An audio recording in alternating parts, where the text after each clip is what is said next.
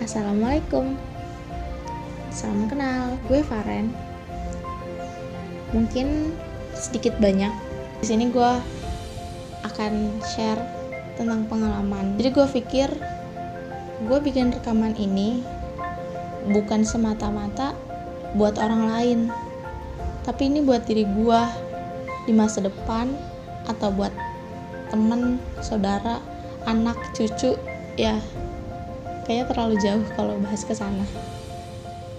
Tapi ya siapa tahu di waktu gue udah tua nanti terus gue bisa denger ulang suara gue di masa-masa yang sekarang ini. Bye bye assalamualaikum.